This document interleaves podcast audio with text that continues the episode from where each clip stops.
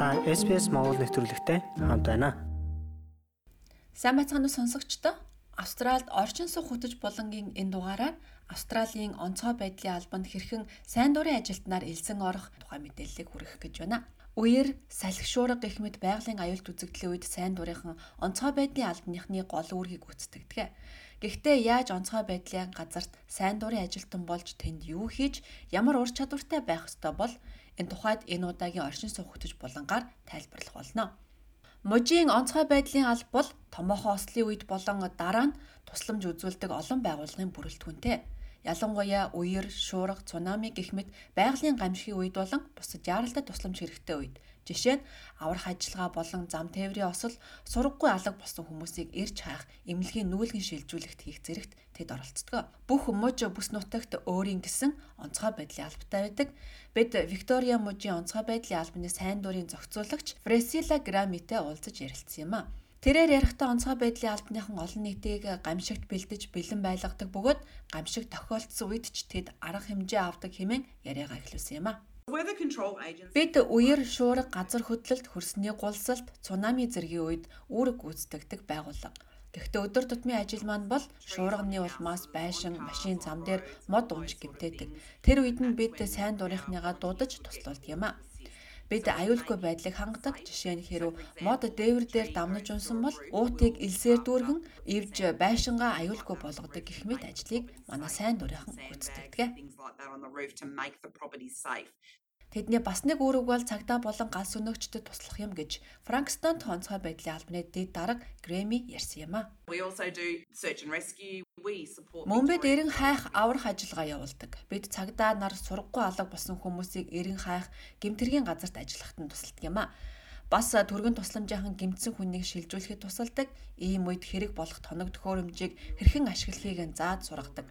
Манай сайн дурын хүмүүсийн олонх нь зам тээврийн ослоос аврах анхны тусламж үзүүлэх чиглэлээр сургагдсан байдаг. Тиймээс та сайн дурын ажилтнаар элцэх бол танд маш олон янзын үүрэг оногдох тул янз бүрийн сургалтууданд суух хэрэгтэй болно. Тэгвэл New South Wales мужийн онцгой байдлын албаны менежер Макколон сайн дурынхан бол онцгой байдлын албаны амин судас юм гэж хэлсэн юм а. Манай албаны хувьд гэхэд бараг 99% нь сайн дурын ажилтнуудаас бүрддэг. Бид шинэ өмнөд Вэлс мужи даяар 100000 орчим сайн дурын ажилтнтай. Тэд олон нийтэд туслахад 7 хоногийн 24 цагийн туршид бэлэн байдаг. Манад 250 ажилтнал байдаг. Манай хүмүүсийн дийлийнх нь цалингүй сайн дурынхан. Тэдэнгүйгээр бид үүрэгт ажиллааг гүйцэтгэж чадахгүй. Австралид олон ажлыг сайн дурынханд итгэл хүлээлгэн өгдөг. Сайн дурынхан яаралтай тусламжийн чиглэлээр олон төрлийн үйл ажиллагаа явуулдаг. Хадагтай Грэми хэлэхдээ үйл ажиллагаа болон үйл ажиллагааны бус гишүүд гэж хоёр ангилдаг гэж тайлбарллаа. Манай нэгж байгууллагууд үргэлж шинэ сайн дурынхныг хайж байдаг. Хэрвээ та байшингийн дээвэр дээр гарч мод тайрах, үерт автсан хүнийг аврах нь миний хийж чадах зүйл биш гэж бодож байвал бидэнд бас арын албанд ажиллах сайн дурын хүмүүс хэрэгтэй болдог. Жишээлбэл санхүүгийн хүн, захиргааны ажилтан бидэнд хэрэгтэй. Бас сургуулиуд дээр очиж шуурга үерийн аюулаас хамгаалах тухай яриа хийж олон нийтэд ярилцах дуртай хүмүүс ч бидэнд хэрэгтэй байдаг. Хэдийгээр олон хүний хэрэгцээ байдаг ч гэсэн сайн дурын ажилтан болохын тулд тодорхой шаардлагыг хангаж шалгаруулалтанд орох ёстой байдаг юм байна. Та нийтийн төлөө гэсэн сэтгэлтэй байх хэрэгтэй. Энэ бол хамгийн чухал үзүүлэлт. Манай сайн дурынхны нийтлэг дүр төрх бол хүнд хэцүү үед хүмүүс туслахыг хүсдэг. Нэмээд та эрүүл бас чирэг байх ёстой. Сурггүй болсон хүмүүсийг ирж хайж уулан дээгүүр далаа эргээр явах тохиолдол ч олон гардаг. Энэ бүхэнд хүч шаардсан ажлууд байдаг. Таныг ажлын талбайд явуулахаас өмнө мөн шаардлагатай бүх сургалтуудыг өгөх болно before we send you out in the field. New South Wales-ийн онцгой байдлын албаны мэдээлж байгаагаар Австралид төр оршин суух визтэй хүмүүс ч визний төрлөөсөө хамааран сайн дурын ажил хийж болдго юм байна. Ер нь тухайн хүний визэн цалинтай ажил хийх боломжтой бол сайн дурын ажил хийх боломжтой байдаг гэж тэд тайлбарллаа. Сайн дуурийнхаа онцгой байдлын албанд 16 17 наснаас элсэх боломжтой. Гэхдээ эцэг их асран хамгаалагчийн зөвшөөрлийн маягтыг бүглүүлэх ёстой.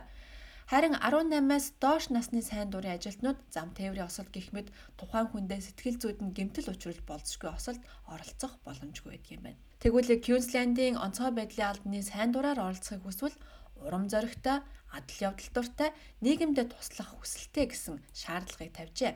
Ингээд 18-аас дээш насны өргөдөл гаргагчид шалгалтанд хамрагдах ёстой гэсэн урьдчилан нөхцлүүд тавьдаг юм байна. Хэрвээ та сайн дүрийн ажилд нэгдэхийг хүсвэл муж эсвэл орон нутаг дэвсгэрийнхаа онцгой байдлын албаны вебсайтад орж тодорхой мэдээлэл авч болох юм а.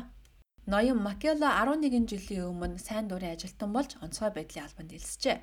Тухайн үед их сургуульд суралцж байсан бөгөөд онцгой байдлын албанд шаардлагадах тусгай ур чадварыг огт эзэмшээгүй байсан гэж тэр ярьсан юм а. Би цахилгаан хөрөөг хэрхэн ажилуулах, томоохон зам тээврийн ослын үед хэрэгэлдэг багж хэрэгслийг яаж ашиглах талаар сурсан.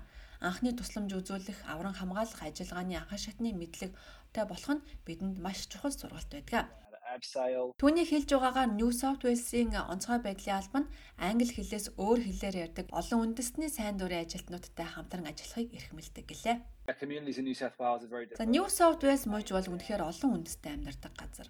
Тэр ч утгаараа бид үүнийг ажилдаа тусгах зорилготой. Тиймээс янз бүрийн гаралтай, ур чадвар, туршлагын хувьд өөр өөр төвшний хүмүүсийг сонгон шалгаруулахыг анхаардаг. Энэ нь бидний олон нийттэй харилцахад үнэхээр их тусалдаг юм аа. Залфи Хадари бол Афганистанаас гаралтай 20 жилийн өмнө Австралид ирсэн бөгөөд одоо Виктория мужид амьдардаг юм а. Тэрээр сургаггүй алга болсон олон хүмүүсийг эрен хайх, амьдтыг аврах, гэмтэргийн газарт ажиллахад цагдаа нар тусалдаг сайн дурын ажил хийдэг. Намайг энд ирэхэд энэ улс намайг гараа дэлгэн угтаж авсан нь надад за би энэ улс орны төлөө ямар нэгэн зүйл хийх хэрэгтэй гэсэн мэдрэмж төрүүлж байсан юм. Энэ бол миний онцгой байдлын албанд сайн дурын ажилтнаар илссэн гол шалтгаан юм аа. Тэгвэл хэдхэн сарын өмнө үерийн гамшигт өртсөн Лесмор хотын нэгэн сайн дурын ажилтнтай бид ярилцлаа. Тэрээр 2015 онд New South Wales мужийн онцгой байдлын албанд илсэн нь түүний амьдралтаа хийсэн хамгийн том зөв алхам байсан гэж ярьсан юм а. I've been in almost 8 years. Би онцгой байдлын албанд ажиллаад бараг 8 жил болж байна. Энэ бол миний амьдралын хамгийн сайхан туршлагуудын нэг юм. Манай Лисмор хотын онцгой байдлын албанд 80 орчим гишүүнтэй. Онцгой байдлын албанд олон янзын хүмүүс байдаг би олон сайхан найз нөхдөдтэй болсон. Тэр бол миний тиймээ би гэр бүл гэж хэлж болно. Exactly like that. They're family. Нэвтрүүлгийнхээ тайлбар хэсэгт муж бүс нутаг бүрийн онцгой байдлын албаны захин хаягийг оруулсан байгаа. Мөн зарим тодорхой мэдээлэл авч болох холбоос төгч орууллаа. Энэ удаагийн дугаар инх өндөрлөж байна. Дараагийн дугаар уулзтлаа. Баяртай. SBS Монгол хэлээр